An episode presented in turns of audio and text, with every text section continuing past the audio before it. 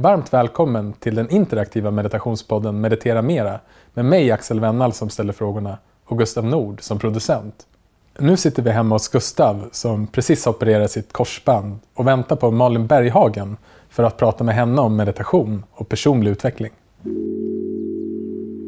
Malin Berghagen har varit bosatt på Mallorca i ett par år men har nyligen flyttat hem till Stockholm.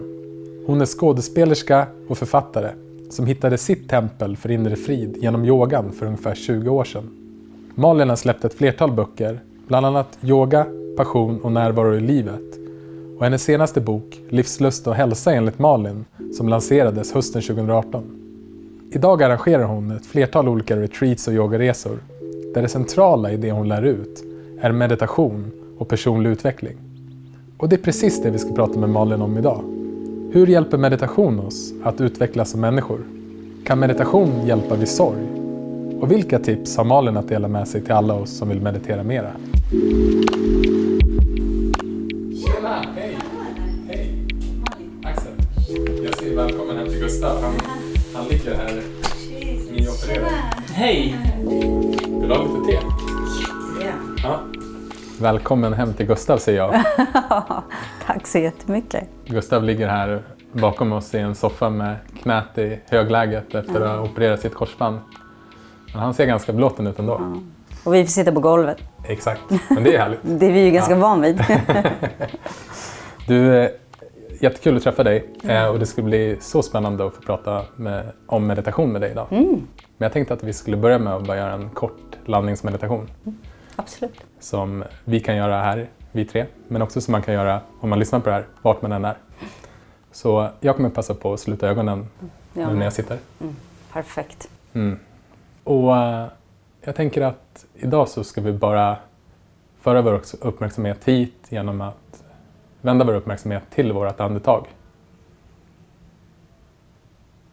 Och om du är på en plats där du kanske sitter stilla så kanske du kan notera ditt naturliga andetag när du andas in och när du andas ut. Vila din uppmärksamhet bara här då. Men om du är på språng och håller på med någonting så kan du ta ett par medvetna andetag. Det spelar inte så stor roll utan var bara medveten om ditt andetag när du andas in och när du andas ut.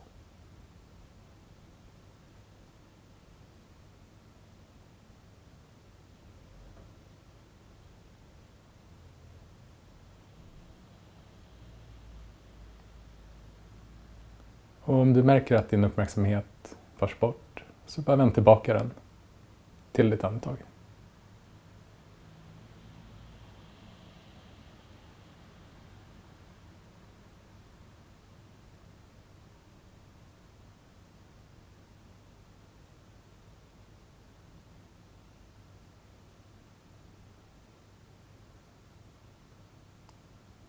Okej, okay.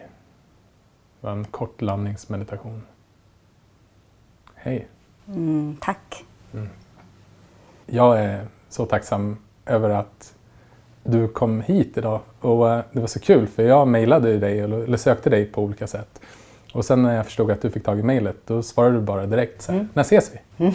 Eh, Precis. Det var så härligt och, och, och, kul och det var bara för ett par dagar sedan. Nu mm. sitter vi här. Um, och jag vet ju att du inspirerar många till att testa meditation i olika sätt. Dels yoga som du Jag beskriver. hoppas det.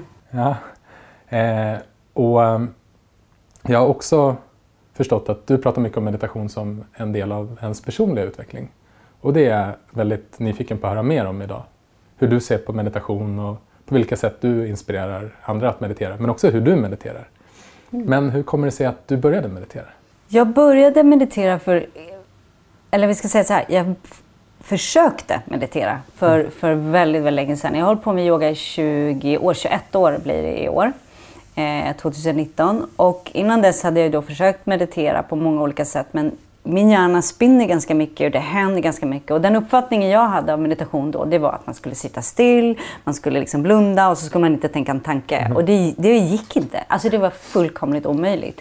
Eh, så jag kände bara att meditation det är inte min grej. Det funkar inte. Även hur mycket jag än behöver det så förstår jag inte hur man kan liksom forcera en hjärna som spinner och är kreativ och tänker på massa olika saker. Framförallt oroar sig över väldigt mycket saker. Att bara liksom trycka ner det i en låda att vara tyst. Det är liksom omöjligt. Men sen så kom ju då yogan in i mitt liv av en slump av att, av att min eh, barnflicka som jag hade när jag var liten och som fortfarande liksom håller om mig genom livet, hon gav mig en, en yoga-weekend på Yogashala här på Söder med, för Maria Box. Och hon sa den är betald, du kan inte göra någonting åt det, du måste åka. Liksom. Mm. Och då gjorde jag det. Och jag kommer ihåg alltså, första dagen. Jag kommer ihåg när jag klev in. Jag kan fortfarande när jag tänker på det här tillfället känna doften av hur det var i den här salen. För det förändrade mitt liv väldigt mycket. Eh, jag har ju alltid balanserat mellan att vara i, på, liksom, i teaterns värld eller vara i det hälsosamma. Det har alltid varit intressant för mig med hälsa ända sedan jag var liten. Jag har inte riktigt kunnat bestämma och varit lite ledsen över att jag måste kanske typ välja. Men i och med att den här yogan kom in i mitt liv så blev det en sån självklarhet att det här var jag, vad jag behövde just då. Och eh, jag märkte att genom yogan, för yoga är ju meditation fast i rörelse, eh, så tystnade det. Alltså det var ju så här, för första gången så fick jag uppleva att jag inte tänkte typ en tanke när jag låg där efter yogan. Och framförallt under yogan så var jag ju tvungen att fokusera, för det var ashtanga yoga. Jag var ju tvungen att fokusera hela tiden på rörelserna och sen så har man ju de här fem andetagen då man ska bara titta på en punkt, så kallad drishti, meditationspunkten. Då, då.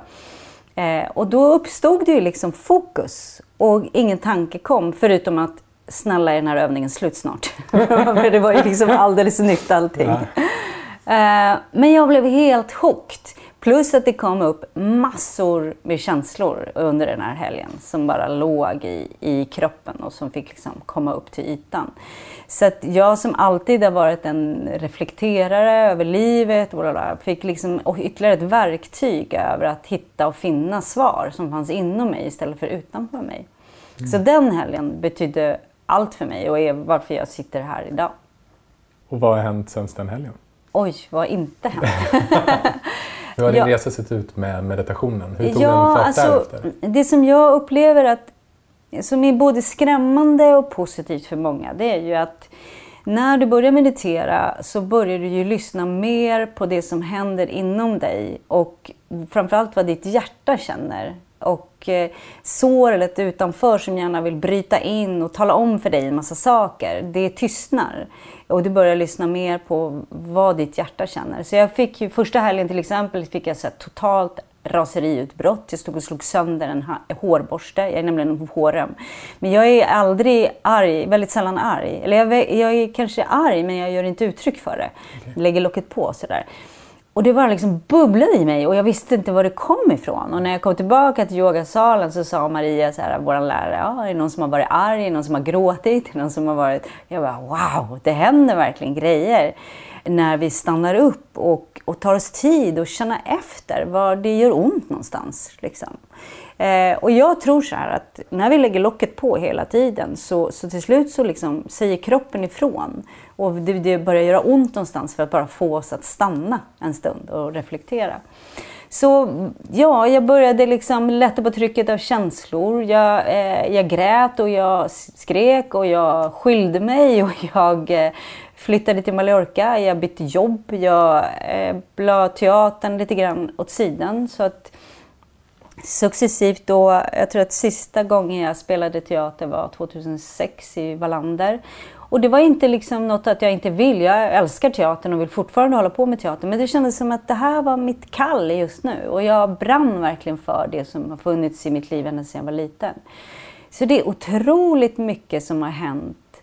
Men sen också via sociala medier och att finnas där för andra. Det är det jag tycker vi gör, vi som jobbar med det här. Vi sitter inte bara i en yogasal och lär folk att landa i sig själva. Vi tar dem på resor, precis som ni gör. Vi eh, är ute över världen och man får se saker.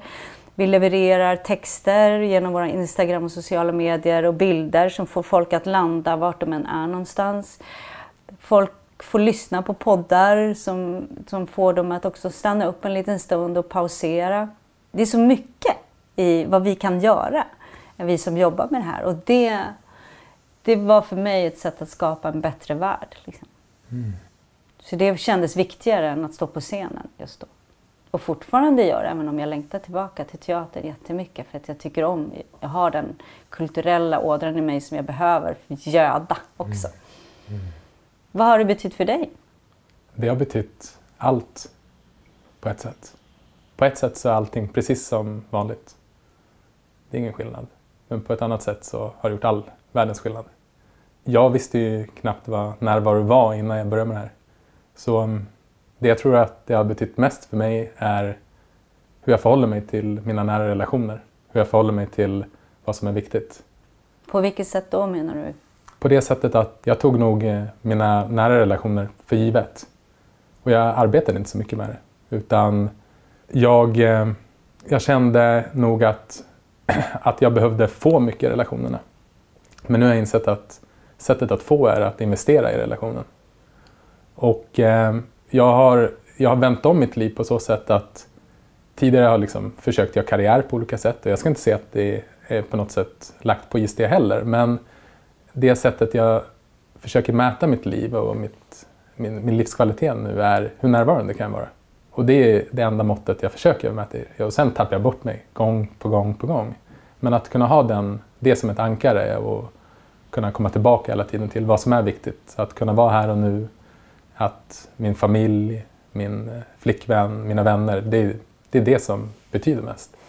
Det är så fint att du säger det, för jag fick igår en bok, eller rättare sagt i förrgår fick jag en bok av, av en, en tjej som har yogat med mig flera tillfällen. Under ett år så yogade hon med mig tror jag, tre, på tre resor. Hon hade, hon hade fått en stroke 2018 och så åkte hon iväg på yogaresor för att komma tillbaka. Liksom. Och, eh, hon har gått och hållit en bok i sin hand varenda gång men har känt att hon inte vågat ge den till mig. Så igår, eller nu i helgen då, så när jag hade yoga i Gävle, så kom hon med den här boken. Mm. Och den är skriven om en kvinna som är är läkare och psykolog som kommer från Schweiz och som, som flyttade till USA och jobbar med människor som eh, ska möta döden på olika sätt. Mm. Så att hon jobbar enbart med barn och vuxna, eh, eller hon finns inte längre, hon, inte, hon gick bort för några år sedan, men, men hon liksom, hennes passion var att finnas där för att få människor att möta döden på ett sunt sätt och eh, människor runt en anhörig som är sjuk eller just den personen som är det. Och den, det liksom, jag började ju läsa den här igår på vägen hem ifrån Gävle och den är helt fantastisk. Och då, då är det så här också att genom den här forskningen som hon gjorde från det här sjukhuset i, i USA så forskade hon också, blev hon nyfiken på, för det kom väldigt mycket nära döden-upplevelser. Och eh, eh, som läkare som hon är så var hon ju liksom kritisk och började liksom forska runt och ville höra alla historier. Så de gjorde en stor forskning som skulle vara på 24 personer som blev på typ 24 000 över hela världen. Och då sa hon så här, oavsett vad du, om du tror på det här eller inte så är det här sant, den forskning jag har gjort. Och det är sant vad de har sagt och upplevt oberoende av varandra. Sen kan du lämna vad du tror. Eh, eller, alltså jag bryr mig inte vad du tror, men det här är vad vi har kommit fram till. Och då sa hon så här, det som var den gemensamma tråden med alla människor som på något sätt har varit nära, det var just det. Att de fick en känsla av att karriärer, materiella saker är inte av betydelse. Eh, utan det är så, så som du lever i nuet, att vara med dina nära och kära, att utvecklas som människa i, i, i själen och i, i kärlek och i närvaro med de du har runt omkring dig. Det är det som är av betydelse. Mm. Och det var så fint då när du sa det, för det är precis det är där vi kanske väger lite olika oavsett om vi tror på det här, den här forskningen hon har gjort eller inte. Så är det ju, meditationen tar ju oss till den där platsen att de materiella sakerna är någonting som det kan så lätt bytas ut. Och låter vi livet stå på den pelaren, när den pelaren viker av, när de här pengarna försvinner, när vi får sparken, då tippar allting. Meditationen tar oss till en plats där närvaron i dig och med de som du har nära dig Eh, är viktigast. Och då kan ben falla hur som helst runt omkring dig. Karriärer, ekonomi, alltihopa. Men du har en stabilitet och en trygghet i dig och i, i de som faktiskt är viktigast. De du älskar och de som finns där för dig. Mm. Men det får mig att tänka på att hur vi identifierar oss som människor och att, att om man hela tiden identifierar sig med de externa sakerna, vad man jobbar med eller vart man bor eller hur mycket pengar man tjänar, så precis som du säger så är det ganska bräckligt. Utan att det gäller att hitta ett, ett djupare plan. Mm. Men jag, jag, är lite nyfiken också på, för det här med närvaro, när man pratar om det så kan det ju te sig ganska lätt att ja, men, ha sin uppmärksamhet här och nu och sådär.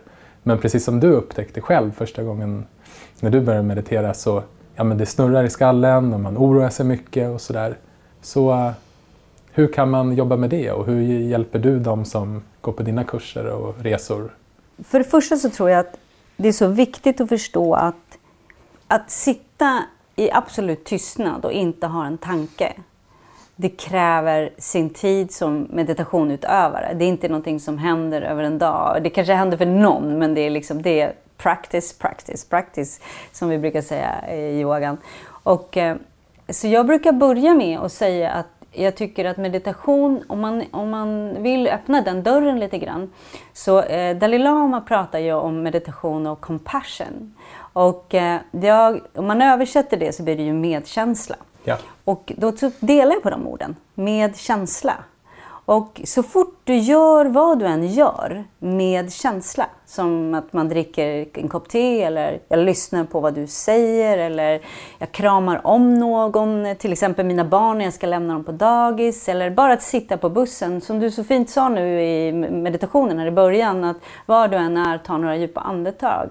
Eller var du än är, känn världen utanför. Känn träden, betrakta det utan en värdering, utan bara gör det du gör med känsla, alltså med hjärtat och inte med huvudet.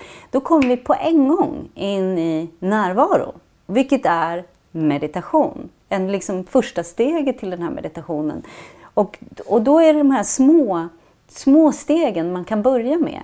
Till exempel så kan jag tycka att en person som älskar att spela gitarr och bara sitter och håller på och känner alla de här tonerna. Det är meditation. För att för många som håller på med gitarren kommer inte en tanke, utan de känner bara. De känner eh, strängarna, de känner eh, in musiken, de lyssnar, de kanske inte liksom funderar så mycket runt det. Jag vet att många tycker om att hålla på i trädgården. Hålla på med blommor och fixa. Jag är en sån person. Jag har inte en tanke när jag håller på med blommorna, utan jag bara plockar och tittar och fixar och donar. Eh, och jag tycker att det är, det är en ganska bra början när man, till att komma till nästa steg av meditation, när man faktiskt bara kan sitta still och aktivt gå in till att inte tänka en tanke utan bara vara närvarande här och nu i tystnad. Det är mm, ett jättebra sätt om man gör det man gör någon gång om dagen med känsla. Så blir du på en gång närvarande i det du gör istället för att vara på allting som händer utanför dig. Mm. Jag tycker det var en eh, en väldigt fin Visst är det? Ja, jättefin. För den, den förklarar också skiftet som det handlar om att gå från, gå från tankevärlden till det innevarande ögonblicket. Men för det kan också vara svårt ibland att liksom göra det. För ibland så bara tänker man och tänker man. Men just att flytta sin uppmärksamhet och sin, sitt agerande från huvudet till känslan. Ja, och jag tror att det är lätt för oss att blanda ihop kontemplation och meditation. För kontemplation är också viktigt. Att vi, att vi, många kan ju säga så här, men jag mediterar när jag springer. Och då brukar jag säga, ja, fast är det så då att du inte tänker någonting utan du bara känner ditt eget hjärtslag, du känner in naturen, ingen tanke eh, existerar, ja då är det ju meditation eh, i rörelse, absolut. Men om du tar en powerwalk eller om du springer och samtidigt går igenom vad som händer under dagen, vilket också är, är bra att göra, då är det kontemplation. Vilket också behövs, men det är inte meditation. Mm. Utan vi, vi behöver göra någonting aktivt, gå till gymmet vad som eh, och bara rensa hjärnan och strukturera upp saker och ting. Då funderar vi och strukturerar, men det är inte meditation. Men det, det är ett steg dit, så att säga. Mm. Eh, men ta en, en powerwalk eller springa och också försöka bara vara närvarande i kroppen och andetaget och att göra det med känsla, alltså att känna istället för att tänka. Precis, och då är det egentligen hela tiden den här förflytt, förflyttningen, för tankarna kommer ju fortfarande uppstå. Ja, ja, ja. Och uh, att hela tiden förflytta sig tillbaka in i kroppen, i, i känslan av att göra den här saken. Ja, och min, min meditationslärare David G, han, han sa gång på gång så här att det, det är ett konstant arbete att jag menar tankarna kommer, de bara fuff, in liksom. Det är hela tiden. Och så fort man börjar bråka med dem, då kommer det bli problem. men så fort man accepterar att okej, okay, där kom du in, räkningarna måste betalas. Okay, men, och så går man tillbaka till andningen mm. och fokuserar och vara här och nu. Och sen så kommer någonting igen och så det håller det på sådär, fram och tillbaka liksom. Vi måste upp till en väldigt hög typ av meditationsträning tycker jag eh, för att komma till att kunna sitta i typ en timme utan en absolut tanke men också utan att somna. Mm. Det kräver sin man och därför tror jag att det är ganska skönt att människor vet att, att meditation är också att det här ständiga försöket att, eller man ska säga accepterandet att livet händer och att tankar händer och sen bara gå tillbaka. Gå tillbaka, vilket är livet överhuvudtaget. Livet händer, men gå tillbaka hela tiden till det som är du och landa i det som är du. För att liksom, jag menar, min mamma gick bort och eh, jag behöver jobba och jag behöver göra alla de här sakerna. Livet snurrar och händer och barnen blir sjuka och alltihopa. Eh, och så länge vi liksom försöker streta emot och du vet, då blir det en kamp. Men istället för att säga, ja men det händer, gå tillbaka sen till lugnet, det du behöver för att må bra. Jag tycker meditationen så som den är symboliserar det så fint. Tankarna kommer, livet händer, gå tillbaka till det som är du hela tiden. Mm. Tack. Själv. Mm. Har eh, meditation hjälpt dig någonting när du har haft sorg? Ja, jag kan nog, jag kan nog säga så här att meditationen har hjälpt mig att vara mera här och nu. Eh, och gjort mig lugn. Jag har i och för sig alltid varit lugn, men, men, men liksom den gör mera att... Jag kan uppleva ibland att, att, man, det, det blir en, när man får paniken, när man får det här traumatiserade som händer runt omkring en, så kan jag, då kan jag bara sätta mig och andas några andetag och så, och så blir så kan jag fokusera på det som är viktigt. Alltså du kan dra iväg, hur, vad ska hända nu eh, när man är vid sin mammas sida under under drygt en månad och ser liksom steg för steg eh, hur hon försvinner ifrån en, då kan man, det kan skapas ett enormt drama och ett, eh, någonting som är en massa antaganden eh, i hur ska livet se ut nu och vad kommer hända och du vet, allting bara drar iväg. Men om man då får liksom gå tillbaka till yogan och, och meditationen, att nu är nu nu är vi här, vad som händer sen vet vi inte. Nu är vi här och så bara komma tillbaka till det som händer här nu. För jag tror att många mår dåligt av att vi tänker en massa tankar som faktiskt inte är här och nu. Alltså vi oroar oss. Tänk om, tänk om, tänk om. vad händer sen? Och så vidare. Eh, och då har meditationen hjälpt mig väldigt mycket att komma tillbaka till nuet. Som jag sa tidigare, livet händer. Eh, men vad händer nu? Vad är här och nu? Och nu då när, när det här med mamma hände, då liksom, jag sitter här, jag är här, hon är här. Jag går och hämtar en kopp kaffe, kramar någon. Du vet, man är, man är i nuet liksom, på ett helt annat sätt. Det tycker jag absolut, det har hjälpt mig genom den, eh, den sorgen. Och sen så tror jag att eh, jag hade en ganska jobbig upplevelse för, för typ fyra år sedan då jag hittade min, min, eh, mina vuxna barns pappa. Eh, då han inte, inte ville vara kvar längre. Och den, där kan jag känna att mitt fokus, min koncentration på och att inte lägga mig i ett offerläge. Att inte göra det här till någonting som görs emot mig. Utan att gå in i, i nuet och bara, vad behöver göras nu? Gråta när jag behöver, skrika när jag behöver, fokus när jag behöver, yoga, alltså alla de här lådorna som man drar ut. Det tror jag absolut jag har tackat yogan för och meditationen i yogan. Att man, eh, paniken kom inte utan det blev mera liksom ett, bara verkligen steg för steg, dag för dag, minut för minut. Liksom. Mm. Lite lustigt, den heter ju dag. dag för dag. Ja. Så att jag, kan, jag kan nog säga att min upplevelse i alla fall av yoga och meditation är att jag önskar att fler kunde göra den på grund av att livet kommer hända och vare sig vi vill eller inte. Och vi kommer lida på olika sätt. Det är en del av livet för vi kommer förlora människor runt omkring oss. För så ser livet ut. Mm. Men genom yoga och meditation så kan vi, kan vi ta de stormarna när de kommer och ta oss igenom dem istället för att försöka hoppa över dem eller gå förbi dem eller blunda för dem. Vi blir starkare att ta oss igenom smärta på många olika sätt. Min sista förlossning med Isak, eh, jag har ju fyra barn och jag kallar honom min yogabebis. Och då sa de på en gång till mig så här, när jag kom in på förlossningsavdelningen så sa de, du yogar va? För att jag var så enormt fokuserad på andningen, var totalt närvarande i min bebis och vad som hände med honom. Vi fick inte någon panik, vilket jag fått på alla andra. Så här, skrika efter lustgas och du vet, allt det här. Även lustgasen hade jag enormt fokuserat. Ville inte försvinna in i dam, dimman utan jag bestämde så här, att nu börjar jag tappa, nu släpper jag, tappar jag fokus, nu tog jag bort den och så andades jag igen. Så att jag gjorde liksom typ så meditativ andning konstant. Liksom.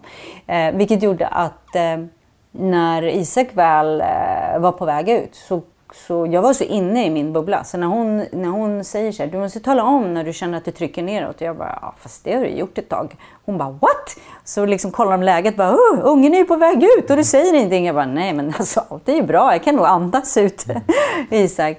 Så att, eh, alltså, jag, jag tycker verkligen att alla borde lära sig meditation. Från det att man blir gravid så ska man börja yoga eller meditera eller göra någonting som gör att man... Många är rädda när det gäller... Alltså det, är, det är mycket som händer när det är någonting som är på väg ut ur din kropp och din kropp förändras. Jag tror inte ni killar förstår riktigt.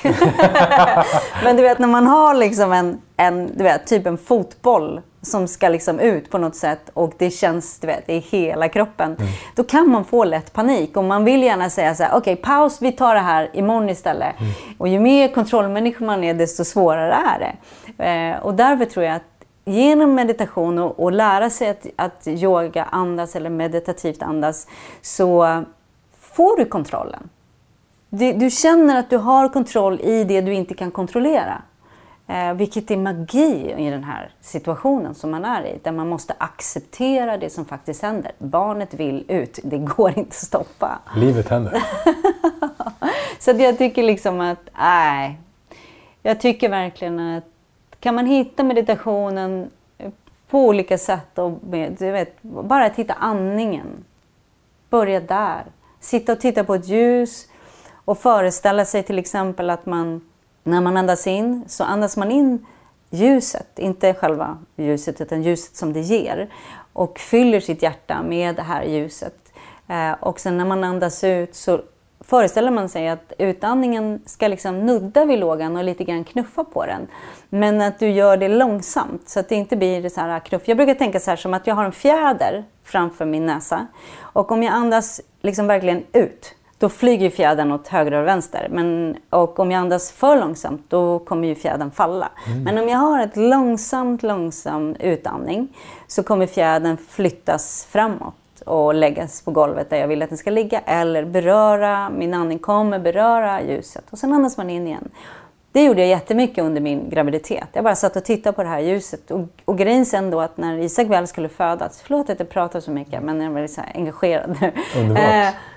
Sen när då Isak skulle födas, då började jag liksom tänka neråt istället. Jag började använda samma teknik, men jag tänkte vid utandningen ner, ner, ner, ner. Samlade kraft, andas in och sen andas ut, ner, ner, ner. För när vi också andas ut så slappnar musklerna av och så känner vi inte smärta lika väl. Jag har varit hos tandläkaren och sagt också så här, du yogar du eller mediterar du? För du andas helt rätt. Jag bara, mm, ja, jo. Fast vid all typ av smärta så är ju den meditativa andningen guld värt. Liksom. Ja, du ser. Mm. Älskar det här. Mm. Vad har eh, du för råd? Du nämnde att vi, vi, vi pratade lite grann om att man får oroliga tankar och det är ju någonting som vi, vi alla får. Mm. Eh, vad är dina tips hur man ska hantera dem? Jag tror att precis som i faktiskt allting det jag har sagt nu är ju lite grann snuddar ju vid det. Och jag tror att det första ligger i att acceptera att faktiskt tankar är en del av det att vara människa. Liksom. Många säger så här, dina tankar är inte dina. Jag har aldrig tyckt om det. Jag förstår konceptet, men de är ändå inuti mitt huvud så jag känner fortfarande att de är en del av mig. Mm.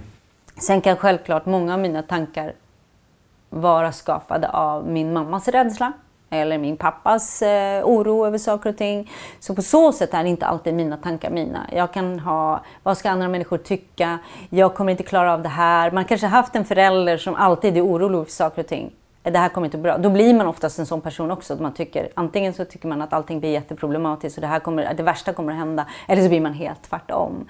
Så det är väldigt, också, det där tankarna är inte dina egna alltid för att de tillhör någon annan. Och eh, då är ju kontemplation bra. Att liksom stanna upp, andas några andetag i meditationen och bara landa i och sen så att kontemplera, att titta på, är det här egentligen mitt? Är det verkligen så här jag känner? Eller är det alla andra människors rädslor? Eh, och jag tycker väldigt mycket om Byron Katie eh, som, som faktiskt kommer hit i sommar. Jag är så himla lycklig. Gissa vem som kommer sätta sig längst fram. Hon är helt fantastisk. Vet du vem hon är? Nej. Oh, ni måste gå ut och läsa om henne. Hon jobbar med någonting som heter The Work.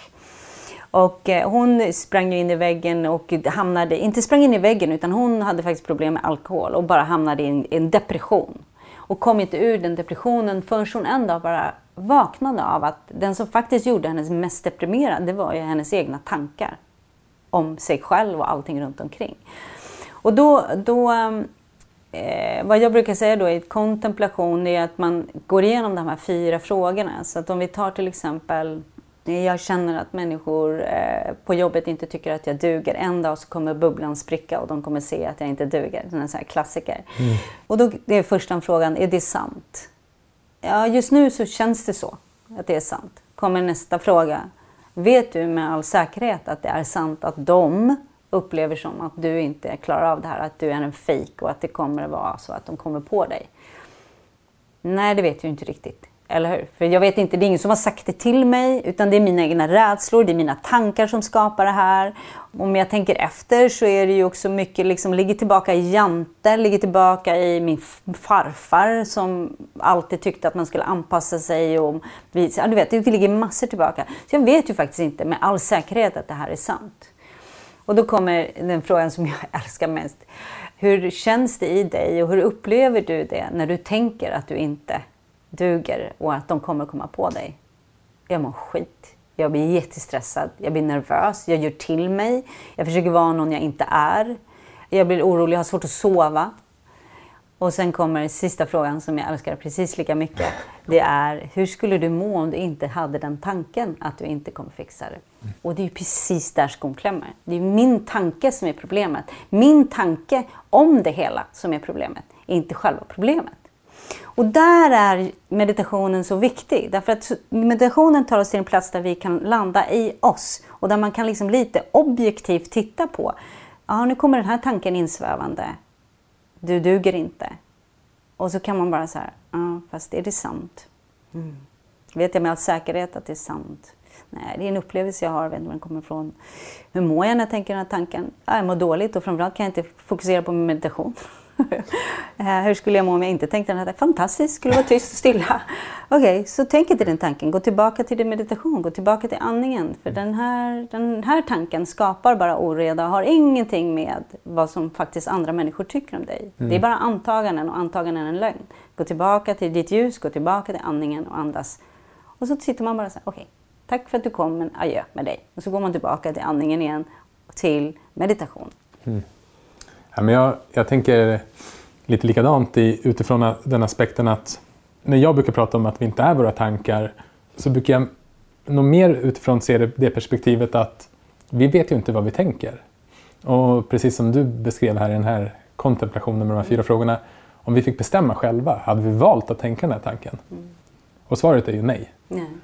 Och utifrån det så kan vi då inte heller vara tanken. Vi har de tankarna, mm. men vi är dem inte. Mm. Och eh, ett annat sånt råd som jag har tagit med mig är att bara ställa sig frågan, är den här tanken värdefull? Och är den här tanken värdefull just nu? För vi har ju det precis som du beskriver, jag tror meditationen är en nyckel för att kunna komma till den platsen, att kunna observera tankarna och kunna se dem lite mer neutralt, att inte hela tiden dras med i det. Att man bara kunna fråga sig, okej okay, men behöver den här tanken just nu? Och behöver den inte så har jag valet att bara, jag behöver, jag behöver inte ens göra någonting. Jag behöver bara låta den vara, så försvinner den. Och det, det är, jag håller med dig till viss del, därför mm. att det är också så att det hänger lite grann på vad vi är uppfostrade med. Därför att om vi har uppfo är uppfostrade med föräldrar som säger att du behöver faktiskt se till att du inte gör så här och så här och så här. Och det är viktigt att du bete dig i vissa, vissa av de här sammanhangen. Så du kan ju vara till och med så inmatad med att det här är det rätta och det sanna. Och att du faktiskt behöver reflektera över hur du är med andra människor. Så det är ju, jag förstår precis vad du menar, men det beror ju också lite grann på vilken historia vi bär med oss. Och jag kan känna så här, precis, behöver vi den här tanken? Jag satt och pratade med en, en, en ung tjej häromdagen som är ganska orolig för skolan och pluggandet och det där. Och, och är väldigt duktig i skolan. Liksom. Och hon blir orolig och stressad över en massa olika saker.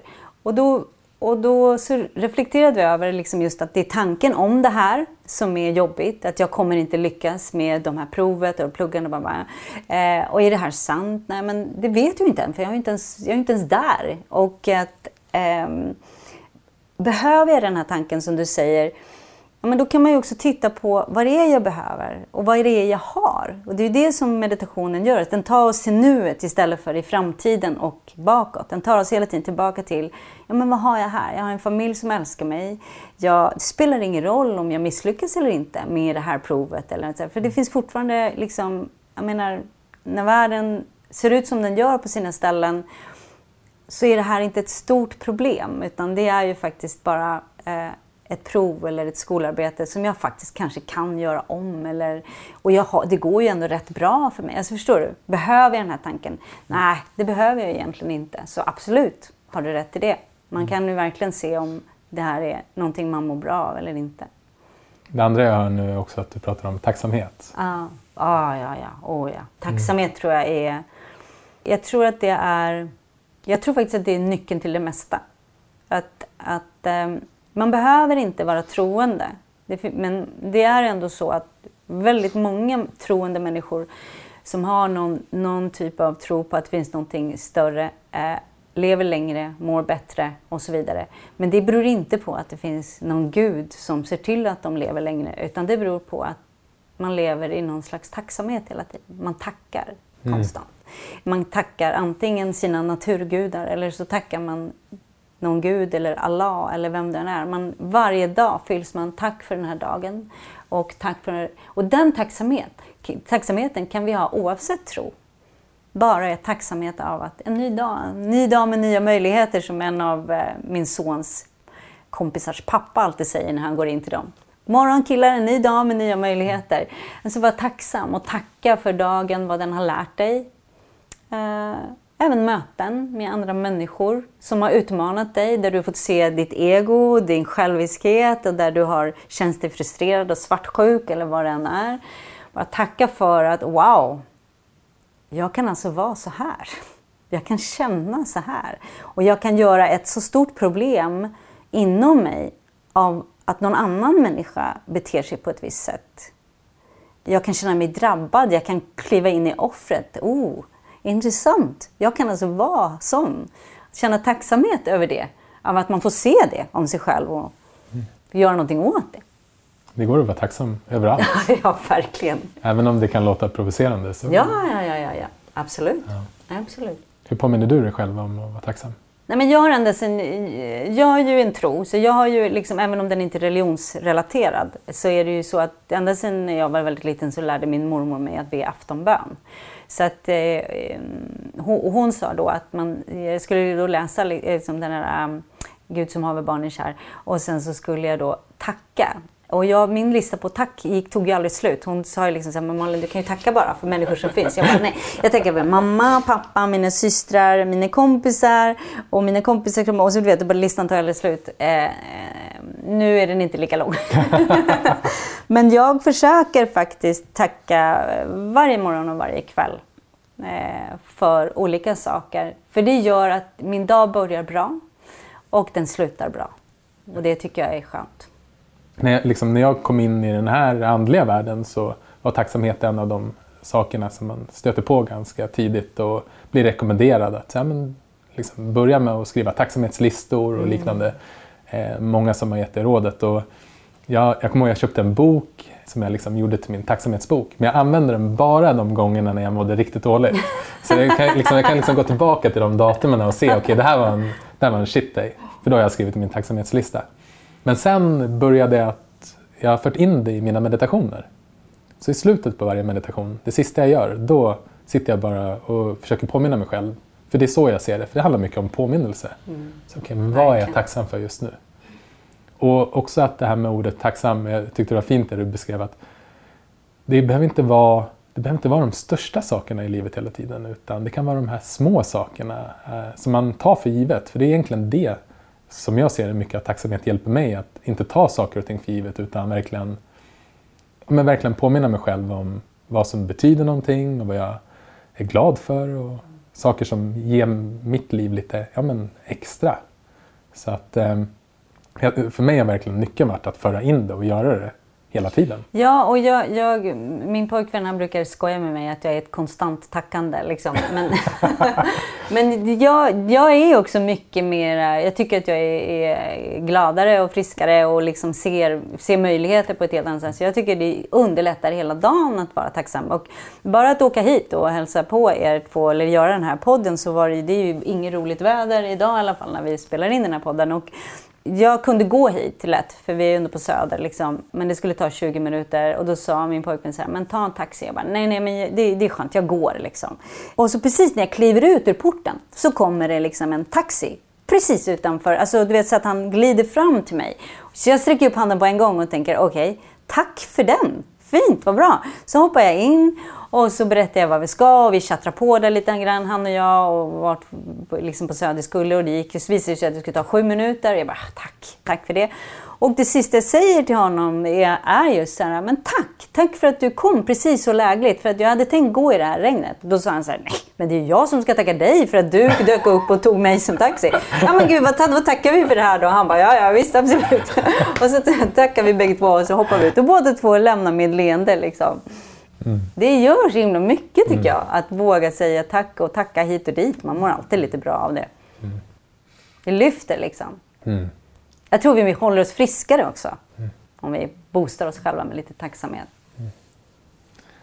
Du nämnde tidigare att du hade mediterat tillsammans med David G.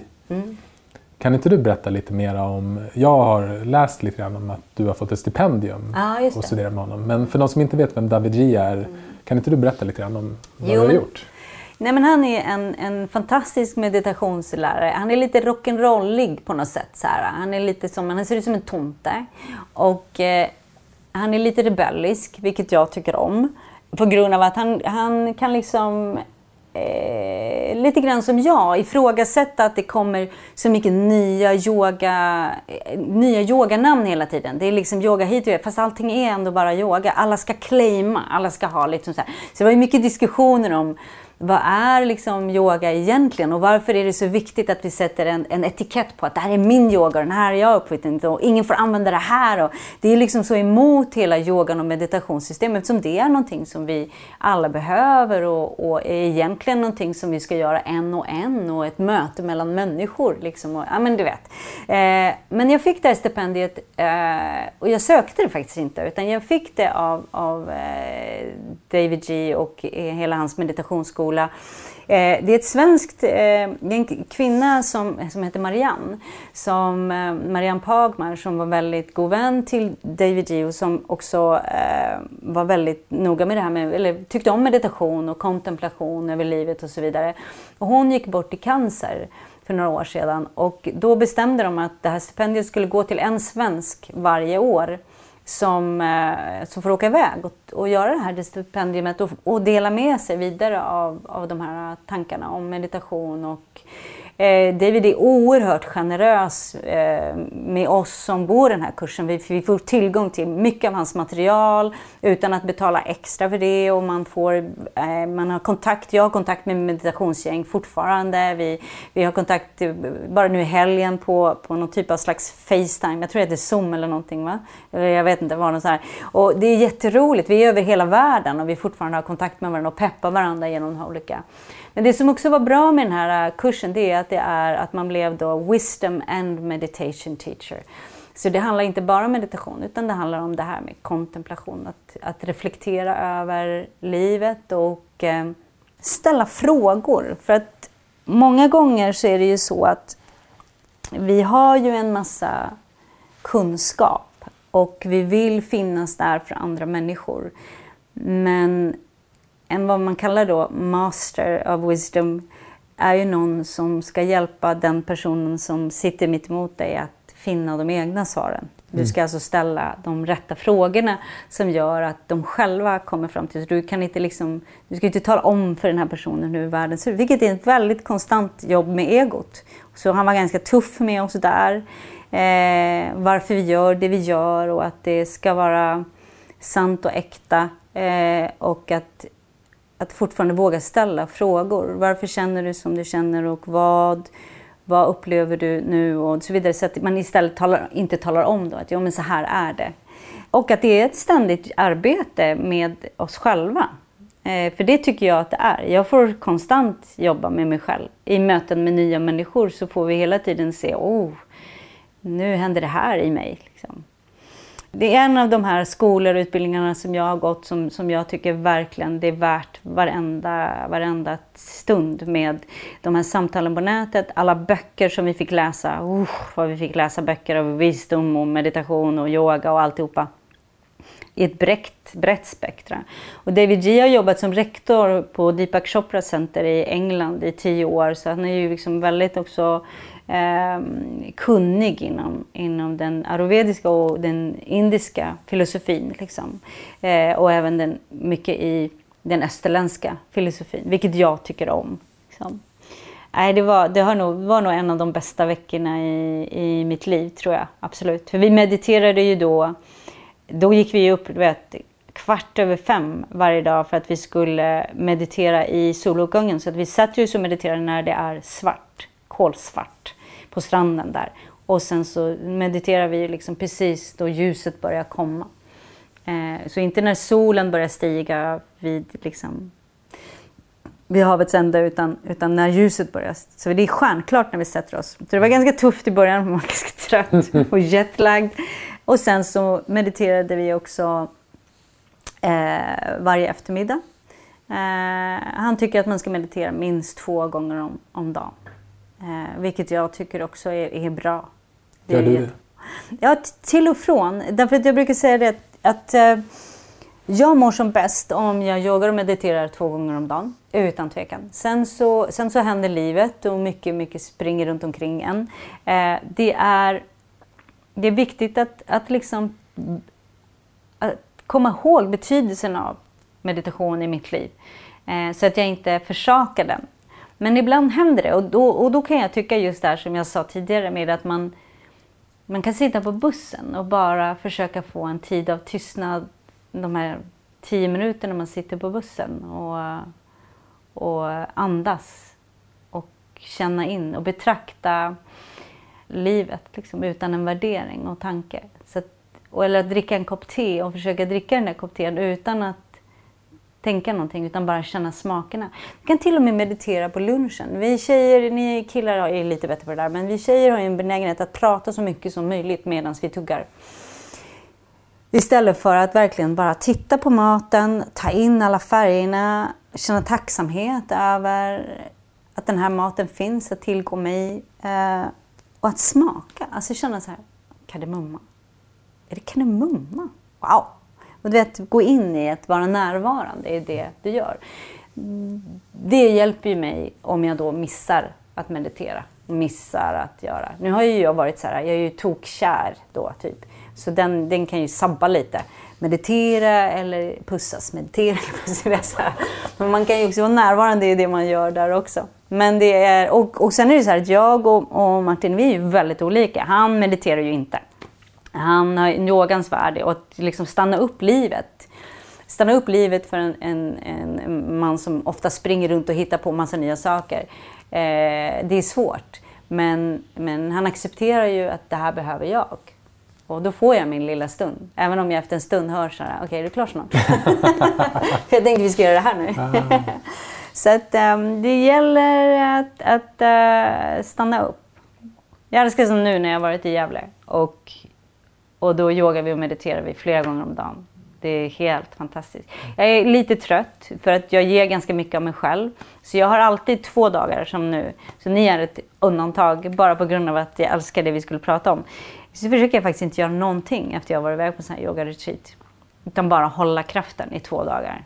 Och bara måna om mig själv. Och, eh, så mina, eh, de jag jobbar med brukar säga att Malin försvinner i två dagar efter. Hon är okontaktbar. Eh, viktigt för att återhämta kraften. För även om yoga och meditation är mitt jobb och jag åker runt till fantastiska platser, så jag gnäller inte, jag är innerligt tacksam. Men det är trots allt ett jobb och jag ger av mig själv och fokus på alla runt omkring och man sitter och lyssnar och man vill vara med. Så, här, så att jag är ändå rätt slut efteråt. Det förstår jag. Det förstår jag. Vi, vi har gjort ett par retreats, ja. jag, Gustav och Josefin också. Och det, det, är, det är ett jobb och det är ett jobb att lära ut men det kan också vara ett jobb att meditera. Mm. Jag har en, en, en kurs för eh, ett företag nu och det var, jag tyckte det var så fint. Det var en tjej där som hon, hon berättade att hon hade berättat för sina väninnor att, eh, att hon hade börjat meditera. Och då sa alla så ja ah, men vad härligt och vad skönt och vad avslappnande. Och hon bara, nej det är inte, det är inte avslappnande, det är ett tufft jobb. Ja, och det kan verkligen. det vara verkligen mm. ibland. En annan sak som, som slog mig när, när du berättade om det här med att föra in meditation två gånger per dag det var att, att det liksom inte heller behöver vara så himla lång tid utan det handlar ju snarare om att göra den här förflyttningen till att göra någonting med känsla. Mm. Så dricka te med känsla eller, eller vad det nu är. Och, och, och jag märkte själv, jag har i min egen praktik så har jag mediterat ganska länge på morgonen eller på förmiddagen. Det har fungerat bäst för mig. Mm. Och sen försöker jag någon gång yoga då eh, liksom under dagen. Och då märker jag också att okay, men när jag får in de två delarna så då blir det bäst. Då har jag oftast färre problem och kan liksom ha med mig den närvaron in i dagen. Men nu har jag och min flickvän också börjat göra bara en 10 minuters meditation det första vi gör när vi kommer hem. Och kvaliteten, skillnaden på kvalitet är så tydlig. Antagligen så kommer vi hem bägge två med våra problem och allting som vi vill liksom lasta ur och berätta. Men bara genom eh, 10 minuters meditation så lyckades vi bägge två landa ner och samtalet blir ja, men det blir ett helt annat samtal. Det är svårt att beskriva utan jag tror man måste testa det helt enkelt. Men det ger verkligen så mycket. Nej, men jag tycker att det är en, en, eh, ett jättebra sätt. För att det är ju så att vi eh, vi kommer från två olika håll med jättemycket information som har hänt under dagen. Och den ena kan vara väldigt trött och den andra kan vara exalterad. Och, det kan vara liksom, och då möts man inte. Den ena behöver att man lyssnar, den andra behöver råd. Och sen är man på två helt olika platser. Men om man tar den här stunden av meditation, tio minuter, då landar man i sig själv. Och så kan man både lyssna och berätta i, i en mycket bättre, på en mycket bättre plats. Uh, my happy place som jag brukar kalla det för. Det är liksom där man kommer och landar någonstans oavsett vad som händer runt omkring. Jag, för de som aldrig har mediterat förut och som tycker liksom att det vi håller på är som en omöjlighet. Då brukar jag också säga att vi har två olika sätt, män och kvinnor, eh, oavsett också vilken energi vi är, manlig eller kvinnlig energi, oavsett kön så att säga.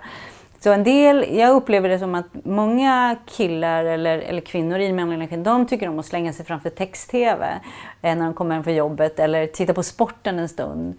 Och det, de tänker inte en tanke, det händer ingenting, de bara låter det liksom där. Medan för, för mig då, i den här energin som jag är i, det är fullkomligt omöjligt, jag kan inte, för det spinner runt omkring. Men däremot, det jag älskar att göra, det är att gå in i badrummet och ta ett bad och en dusch och bara sätta mig på golvet och bara känna till exempel om jag duschar så känner jag bara det här vattnet rinna av mig. Och så landar liksom vi också på en bra plats.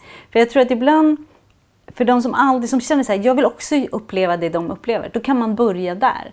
Att man liksom låter honom få ligga där framför TVn i tio minuter och bara summera dagen och inte tänka en tanke. Och, och du som, som är i den kvinnliga energin kan gå in och ta den där duschen och bara känna och inte tänka en tanke och bara låta allting rinna av dig. Jag brukar säga det, visst barnen skriker och maten ska på bordet och mm, eh, liksom allt det där. Men gå in och ta de där 10-15 minuterna. Dra på dig en skön kräm, sköna kläder och liksom säg att ingen får störa dig under de här äh, 10 minuterna. Huset får brinna ner två gånger, liksom, men ingen får knacka på dörren. Eh, börjar man där så kommer man också förstå konceptet av meditation.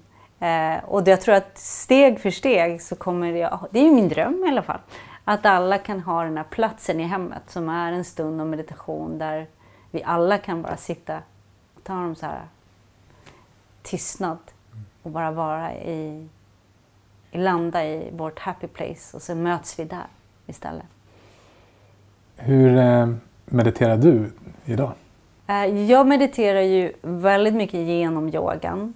Jag mediterar på morgonen i sängen. Eh, jag tycker om att vakna långsamt. Jag tycker om min snoozer. Så att eh, jag kan ligga i sängen och lyssna på David G till exempel. Eh, och ha ett mantra som går. Eh, jag kan också bara försöka lyssna på mitt eget andetag.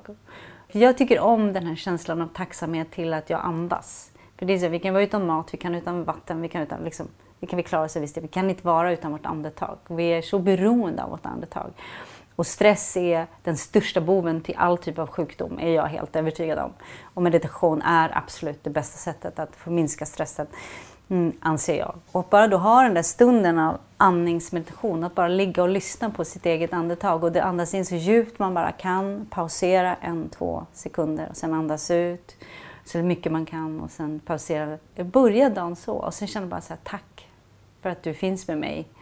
Tack för att du är med mig den här dagen. Liksom. Eh, och sen kan jag avsluta så också. Om jag gör, det är min korta version av meditation.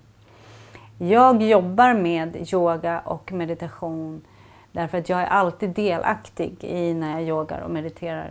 Och eh, som David G sa också, det är ett sätt för oss att också göra det. Mm. Genom att jobba med det. Mm. Så det är en egotripp också.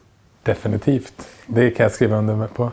Jag tror jag hittade ett par olika drivkrafter till att börja jobba med det här. Men en av dem var absolut att hur kan jag maximera den tiden jag får hålla på med det här. Mm. Så det är det definitivt. Och du kan, det som är så härligt, va? det är att jag brukar säga du kan meditera på jobbet också. Därför att om det finns det någon plats på jobbet där ingen kommer störa dig om du går nu, nu sitter jag och jobbar hemma ganska mycket. Ja. Så jag Men har om, du, ganska... om du tänker dig människor som sitter nu. De som ja, lyssnar nu, de, är ju liksom, de sitter ju kanske i lokaler, kontorslokaler, på ICA, vad som helst. Liksom. Finns det någon plats där som ingen egentligen stör dig om du går? Toaletten. det är perfekt. Toaletten. Så det är ju, det är ju liksom att uh, gå och sätta sig där på toalettlocket en stund och uh, bara sätta sig och andas 10-20 djupa andetag. Förhoppningsvis har ingen varit där och gjort nummer två innan så blir det lite trevligare. Men du vet vad jag menar. Bara sitta där och ha en lugn, stilla stund. Det är ingen som kommer att störa dig. Ingen som kommer att tycka att du liksom, eh, inte sköter ditt jobb. Det är ingen som vet vad du gör där inne. Toaletter är vårt nästa meditationsrum. ja, men det är kul. När vi intervjuade Josefin Dahlberg som vi har resorna med också ja. så sa hon det att hon jobbar, eller hon shakar ganska ja. ofta. Så hon kunde gå in också på toaletten och bara checka av sig. Ah. Ja, perfekt plats. Mm, det är så, så perfekt ställe. Det är mm. ingen som stör. Och man kan sitta med hörlurarna och bara lyssna på David G eller någon annan eller mm. er. Eh, och bara någon musik eller vad som helst och bara landa, landa, landa. Mm. Du har ju också skrivit ett flertal böcker om yoga, närvaro och meditation. Vad skulle du säga är essensen av dem och essensen av det du försöker förmedla till de människorna du träffar? En bok som betydde jättemycket för mig när jag började med yoga, som kom ut 2000, var en bok som heter Om yoga. Eh, som skrevs av bland annat Kia Nadermeyer som är en jätteduktig ashtangi yogalärare. Och den boken blev en oerhört viktig bok för mig för att den var inspirationsbok. Det var liksom inte massor med text utan det var bilder, den låg framme hela tiden. Och bilderna inspirerade lika mycket som texterna inspirerade och det var kortare texter. Eh, och alla mina böcker kommer faktiskt med den som, som ursprungsinspiration. Liksom, eh, så mina böcker har alltid varit, har jag velat att de ska vara det här att man kan bara ha den liksom, och man ska se den stå där och så vet man vad den står för. Bara se bilden på framsidan eller man kan sätta sig och bläddra eller man kan ha den bredvid sängkanten och så bläddrar man bara förbi och så hittar man en kort text om meditation eller en upplevelse som jag har. För jag berättar ju väldigt mycket utifrån mig själv. Den första boken som jag skrev eh, handlar ju väldigt mycket om hur jag, upp, hur jag kom i kontakt med yogan och meditation och hur den vände på allt i mitt liv. Liksom. Och sen så den andra boken handlade om praktiska saker om meditation och yoga, vad jag använder för verktyg. Och den tredje blev en bok som blev hur jag lever det livet. Liksom. Eh, och då kan man liksom finna lite små inspirationsbitar dag för dag. Så man behöver inte... Jag har många sådana böcker, men den är ursprunget till den boken. Mm. Och den är fin, den är så urban, den är liksom mitt i stan också. För det är lätt att sitta på Bali och meditera. Liksom. Men att få in meditationen i, som David G säger, eh, om vi sitter och mediterar där det är väldigt, väldigt mycket sål runt omkring så är det alltid någon som säger så här, jag kan inte ha yoga här, jag kan inte, det är flygplan som åker, ba, Ja, fast då yogar du inte. Mm. då mediterar du inte. För att när du mediterar och när du yogar och har ditt totala fokus på att göra det du gör just då eh, så spelar det ingen roll vad som händer runt omkring dig. Och det är det som är magin med meditation och yoga. Vi ska ju få meditera här alldeles strax med dig. Ja, just det. Men innan vi gör det så tänkte jag kolla med dig om du har, om du har gjort någonting som du kan varna andra för eller under din resa? Är det... det är ju det är extremt många egon i våran värld också. Det finns väldigt många eh, yogalärare och meditationslärare som vet en väldigt massa saker. Och upplever man att man har en sån lärare som hela tiden tillrättavisar dig och hela tiden talar om för dig hur saker och ting ska vara, då ska man fundera på om man inte ska hitta någon annan att yoga och meditera för. För jag tycker att en, en meditationslärare och en yogalärares eh, uppgift är att att få varje person att komma i kontakt med sig själv och känna vad som är bäst för dem. Så huruvida du sitter i... Jag har till exempel, om vi ska ta en upplevelse, så var jag på en kristen meditation för många, många, många år sedan. Och eh, det här var i början av min yogatid. Och då var vi i kyrkan och mediterade och så skulle vi alla sitta på pallar och så skulle knäna vara i. Man sitter liksom på pallen och så är knäna eh, liksom, och skenbenet i golvet. Och jag ville sitta i lotus. Jag ville sitta liksom med benen i skräddare på golvet. Och då sa den här prästen, som är en underbar människa på alla sätt och vis, eh, då sa han att nej men så där kan du inte sitta. Eh, för så mediterar man inte. Och då sa jag, va? Varför gör jag inte det? Liksom? Vad har det med saker att göra? Nej, men du måste sitta med tre punkter i golvet. Vilket då jag förmodar att han menar knäna och fötterna. Och jag sa liksom så lite obstinat, fast jag sitter ju med tre punkter i. Jag sitter ju med liksom höfterna i golvet och, och knäna och jag sitter ju med liksom, sitter ju triangel, tre, var liksom, du vet. Nej, men så mediterar man inte. Och då var jag verkligen på väg så här, nu går jag. Eller så tänkte jag, ah, blir det en liten scen av det här? Och är det egentligen viktigt att jag har rätt? Eh, och eh, så kan du inte bara sätta dig som han tycker nu då en liten stund så blir allting bra. Eh, för att det handlar ju liksom inte om att jag sitter på hans sätt eller mitt sätt. Utan för mig handlar det om att, att landa i mitt andetag och i, i mitt inre. Och eh, jag brukar säga så att jag har ju självklart saker som funkar för mig och som jag tycker att det här är ett jättebra sätt. Och det finns underbara förklaringar till varför vi ska rulla över på höger sida och börja med höger sida inom yogan för hjärtat ligger på vänster sida. Och det händer massa saker i kroppen när vi börjar åt vänster sida enligt yogisarna. Men då finns det också inom yogan så ska vi lägga, börja till höger för annars kommer demonerna. Och inom qigongen ska vi börja till vänster för annars kommer demonerna. Alltså det finns väldigt mycket. Och där känner jag liksom varningsflaggen lite grann komma upp. Utan vi yogalärare och vi meditationslärare ska hjälpa våra deltagare att hitta en en sweet spot, en happy place eh, för dem. Och eh, eh, beroende på, liksom, våra kroppar är byggda olika och våra sinnen och allting så här. Så vi ska hjälpas åt att hitta den platsen och inte knäppa folk på näsan med vad som är rätt eller fel. Liksom, där. Det kan jag tycka. Och det tror jag också är ett bra råd till den som börjar meditera. Att, att inte ta andras ord för sanningar. Nej. För det kan vara ganska bekvämt och ganska skönt att kunna förlita sig. Det betyder inte att man inte ska lita på sin lärare eller Nej, nej, följa dess råd. inte. Men, Nej, men att, att det kan ibland vara så himla skönt att ha någon som säger åt en att gör så här, så fixar det sig. Mm. Men hela uppgiften är att själv vända blicken in och se, okej men vad, vad behöver jag? Vad är rätt för mig? Ja, och, att, och precis som du säger att man ska inte ta det som sanningen, alltså du ska ta det som din sanning. För det är ju yogalärarens sanning, men det är inte, behöver inte vara din sanning. Och det är ju där, därför ni möts, för att du ska få känna in olika varianter. Att ja, men det här är också min sanning, eller nej, det där funkar inte för mig. Jag hade en, en, eh, en tjej en gång på en kurs som ville att jag skulle prata om ayurveda och vad det betyder för mig. Och då sa jag till henne, men vad- menar du? Det- Nej, men eh, jag, behöver, jag har precis börjat med ayurveda och jag har läst väldigt mycket om det och jag undrar vad du tycker om det. Och då sa jag, men berätta först för mig vad du tycker om ayurveda. Och så berättade hon allt vad hon tyckte om ayurveda. Hon var väldigt euforisk och bla bla bla. bla. Och så vände hon bollen tillbaka till mig. Så vad tycker du? Och då sa jag, fast tycker det känns som att du du har ju liksom hittat att yogan, eller ayurvedan känns jättebra för dig. Så tycker vad jag tycker är, är oväsentligt i det här. Och det är, det är ju våran stora träning. Att, att liksom lämna över och bara, fast du har allting. Bra, fint. Du behöver inte min sanning. Du har din. Jag vet att du har pratat mycket om att meditation handlar mycket om personlig utveckling. På vilket sätt? Jag tror att för mig är det så att genom livet och människor jag möter, mötet med er, människor med mina yogi, eh, mötet med mina yogisar eller mötet med på arbetsplatsen, som vilket är yogan då förstås, eh, med mina barn och så, så handlar det hela tiden om ett möte med mig själv och att skala av det som inte är jag.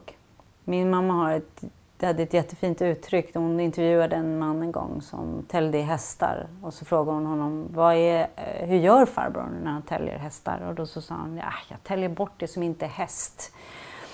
Och då sa hon alltid, tälj bort det som inte är liv, det som inte är du. Och vi blir, eh, vi är ju liksom ett avtryck och vi är allting av vad vi har vuxit upp, vad vi har lärt oss under vår, vårt liv. Alltså barn, eh, syskon, eh, föräldrar, överallt så, så påverkas vi av saker och ting eh, och är, blir kanske ibland långt ifrån den vi egentligen vill vara. Och meditation eh, får mig att se väldigt mycket av vad jag vill vara och vad jag inte vill vara. Alltså mitt Instagramkonto eh, stängdes av under en vecka eh, på grund av att det var någon som inte trodde att jag var jag. Och det var en väldigt intressant reflektion för jag lägger ju väldigt mycket tid på min Instagram efter jag tycker om det. Är som, det är så för mig att vara ett, i ett yogarum. Det är liksom att jag vill inspirera och jag vill liksom finnas där för mina yogisar och jag vill dela med mig av saker och ting som händer. Men jag märkte att det hade tagit ganska mycket av min tid. Och jag fick tid att reflektera och kontemplera och vara mer i mig själv. Bara av att den där saken som hade, hette output försvann en stund. Och meditation är just det, det liksom får oss att allt som går ut, utåt hela, som riktar sig utåt till alla människor runt omkring, liksom gör att vi landar i oss själva och får tid att se, oj, bara den här frågan, Malin Berghagen, är du verkligen hon? Och den där fastnar mig så här. Just det, är jag? vem är jag? För mig? Och vem vill jag vara i det här? Jag bara tog tag i den och tänkte så här, ja, du vet, skapa något meningsfullt av det här. Och så fick jag liksom meditera väldigt mycket på det. Kände in och bara tänkte så här, jag mediterar, låter det vara tyst, får vi se vad som dyker upp. Vem vill jag vara? Vem vill jag inte vara? Eh, så det, det är liksom väldigt klart tycker jag vad meditation eh, gör. Att den får en stund att landa i dig och att du hela tiden där kan se vem är jag och vem vill jag vara och eh, vill jag vara någon som jag faktiskt inte är? Kan jag acceptera att jag försöker vara någon som jag faktiskt inte är? Eh, vill jag uppnå mål som jag aldrig kommer att uppnå därför att när jag väl kommer dit så vet jag att jag kommer ändå inte känna mig nöjd. För det är inte den jag är. Det är vad någon annan har sagt att jag ska vara. Så jag tycker att reflektera över, över eh, livet det är liksom, och vem du är och finna vem du är. Det är frihet och det är vad jag tror livet går ut på. Mm. Och nu ska vi få tälja här med dig och meditera. ja. ja. Vill du berätta lite grann om vad vi ska ja, se med Nej, men jag tänkte, jag tänkte att vi skulle göra den här meditationen som jag pratade om lite grann. Att, att, att reflektera över, eh, att faktiskt göra en... Oavsett om du sitter och blundar nu när du sitter och lyssnar på det här. Men att faktiskt också kanske bara se dig omkring där du sitter utan att ha en värdering om det. Utan att ha, ja där står TVn eller du sitter kanske just nu på bussen och lyssnar det här eller i tunnelbanan. Eh, och att ja, men vi, vi kör igång istället så får vi se vad som, vad som händer. Let's så man kan börja med att sluta ögonen och eh, lite stilla, stilla gå in i andningen. Andningen är så oerhört viktig i eh, meditationen tycker jag, för vi kan landa. Och varje gång du andas ut så känner det som att du liksom verkligen faller ner i där du än står eller sitter. Så sitter du, känner du, liksom landar lugnt och tryggt på den platsen där du är just nu. Och står du i tunnelbanan eller på jobbet så bara känn hur fötterna är jordade och huvudet och halsen strävar upp mot himlen. Att det finns balans mellan himmel och jord i dig. Eh, att axlarna slappnar av. Du kan andas in ganska djupt och sen kan du andas ut genom munnen en liten stund och bara känna ah, liksom bara landa i det så många gånger du känner att du behöver. Och också gå in i känslan av att det är skönt. Att det inte snurrar så mycket runt tankarna utan att det är, det är bara skönt att få andas lite vart du än är någonstans. Att känna ditt andetag. Att känna hur det känns när du andas, vad som händer i kroppen när du andas utan en värdering och utan en tanke om det. Utan bara känna känslan av en inandning och känslan av en, en utandning.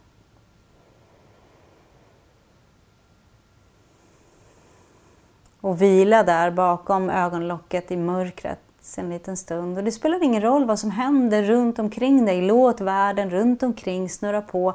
Även om någon kanske knuffar på dig eller du behöver öppna ögonen en stund och röra på dig så bara omfamna det. Du är på ditt happy place, på din, din lugna plats.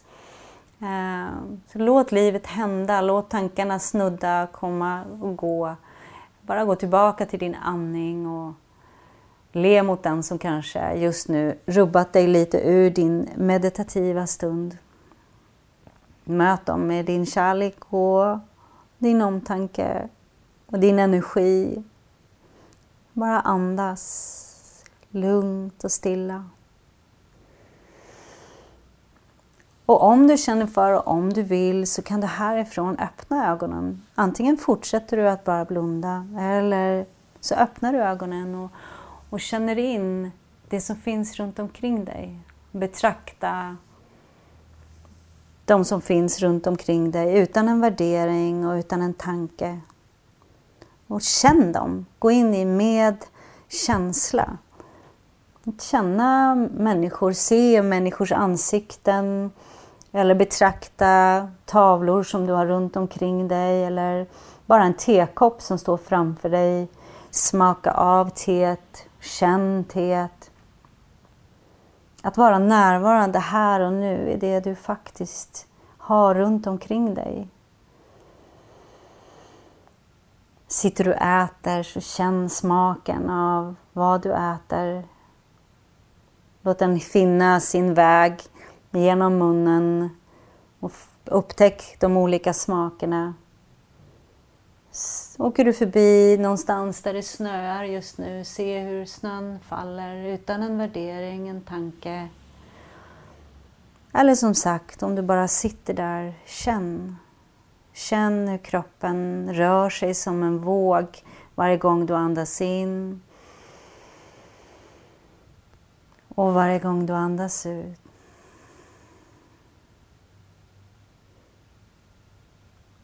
Och försök att känna känslan av tacksamhet utan att tänka jag är tacksam. Gå till hjärtat och känn hur det känns när man känner tacksamhet över människor som finns runt omkring dig, över livet, över att bara lyssna. Över tacksamhet över det som finns i ditt liv runt omkring dig just nu eller i dig just nu. Eller bara ditt andetag. Försök att känna tacksamhet, känna glädje, känna kärlek utan att gå till en tanke om det. Känna lycka. Känna lycka över närvaro, att vara här och nu.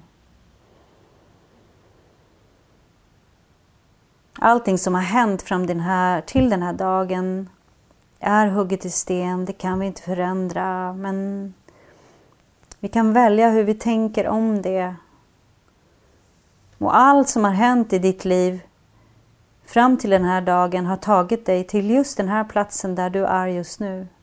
Antingen om du sitter här med oss eller om du står på tunnelbanan eller är på jobbet så har allting som har hänt i ditt liv kommit till just det här ögonblicket. Så allting som har hänt borde kanske skett för att du skulle vara här just nu med mig och andas och känna tacksamhet.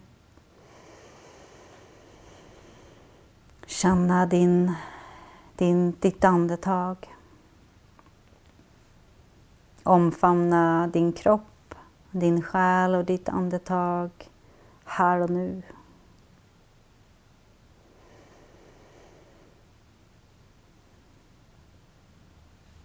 Och när du väl sen öppnar ögonen, se om det finns en möjlighet att kanske bara dela ett leende med någon utan att de begär det. Dela en kram med någon eller bara, bara ditt ljus, det, det lugnet du nu bär. Bara dela det med de som finns runt omkring dig bara genom att, bara genom att finnas till.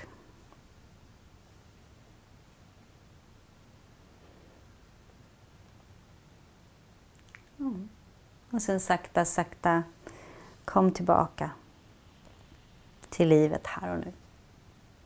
Tack. Tack för att jag fick komma hit. Nu ska jag bara sitta och njuta här i ett kort ögonblick. Mm. Det är lätt att vara tacksam när man får bli guidad på sådana här meditationer. tack så mycket. Innan vi släpper iväg dig i snöslasket igen så um, tänkte vi fråga dig om du har något tips på någon gäst som du tycker eller som du skulle vilja lyssna till i Meditera Mera. Oj, oh, det finns säkert jätte, jättemånga. Jag önskar ju att ni fick en möjlighet att prata med David G. Det skulle jag ju tycka var fantastiskt, för ni kommer älska honom tror jag. Så det tror jag... Och jag tror inte att han skulle vara så främmande för om man hade, hade tid eftersom eh, det här Marianne Pagmar-stipendiet är så viktigt för honom. Liksom. Och han är en, en fantastisk människa en otrolig inspiratör också för att han är ganska okomplicerad. Liksom.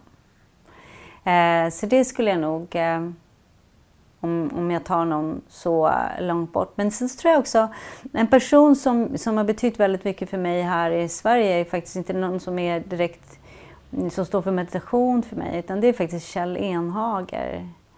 Som jag tycker är en, en väldigt cool inspiratör. Och eh, har väldigt mycket roliga saker att berätta om att vara närvarande i nuet och var vi lägger fokus någonstans. Så att honom skulle jag nog tycka att ni ska fråga. Tack.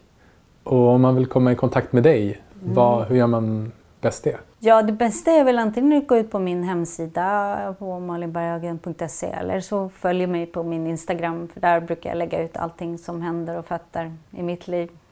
Och vad händer och fötter härnäst då? Närmast så är det faktiskt lunch. uh, och, uh, och, nej, närmast är faktiskt en, um, jag ska ha en, en yogadag, meditationdag den 24 mars på Mamita som är bara en, en fyra timmar av en härlig yogaboost med två yogapass och samtal eh, en söndag. Det är det som ligger närmast. Okej. Tusen tack för idag. Tack själv, tack för att jag fick komma. Tack. Tack. Tack för att du har lyssnat på det här avsnittet av Meditera Mera med Malin Berghagen. Jag och Gustav hoppas att du har blivit lika inspirerad av vårt samtal och av Malins meditation som vi blev. Om du vill komma i kontakt med Malin hittar du hennes kontaktuppgifter på vår hemsida breathein.se. Där hittar du även alla andra avsnitt. Vi som gör den här podden är jag, Axel Wennhall, som arbetar som meditationscoach och lär ut meditation och mindfulness till företag. Och Gustav Nord, som driver produktionsbolaget FlipFlop Interactive som producerar film, webb och podd. Gustav och jag hade satt upp som mål innan vi startade den här podden att göra tio stycken avsnitt. Och det har vi gjort nu. Vi startade den här podden utifrån en övertygelse att meditation är för alla och att psykisk hälsa och mental träning är vår nästa folkhälsorevolution. Men vi såg också att meditation behöver förklaras på ett enkelt och ett lättillgängligt sätt. Och det hoppas vi att vi har lyckats göra med den här podden. Vi har i alla fall bestämt oss för att fortsätta. För det finns så många spännande personer och teman kvar att utforska. Om du vill hjälpa oss att sprida meditation och närvaro så finns det ett par saker du kan hjälpa oss med. 1. Har du tips på intressanta gäster? Och det behöver verkligen inte vara någon som har mediterat hela livet, utan tvärtom. Vi är intresserade av hur meditation kan hjälpa oss i olika delar av livet och på olika sätt. 2. Fortsätt tipsa dina vänner och din familj så vi kan få fler att upptäcka meditation. Och lämna gärna ett omdöme på iTunes. 3. Har du tips på något företag som tycker att den här frågan är viktig och som du tror skulle kunna bli vår partner? Hör i så fall av dig till oss på hiatbreedin.se. Vi har än så länge aktivt valt att inte gå in med automatiska reklamsnuttar under programmet, utan vi är istället på jakt efter partners som delar vår vision att försöka få hela Sverige och världen att meditera mera och som vi givetvis vill lyfta inför och efter våra program. Det var så kul att träffa Malin och ta del av hennes energi. Och är det någonting vi har tagit med oss från dagens samtal med Malin är att göra saker med känsla.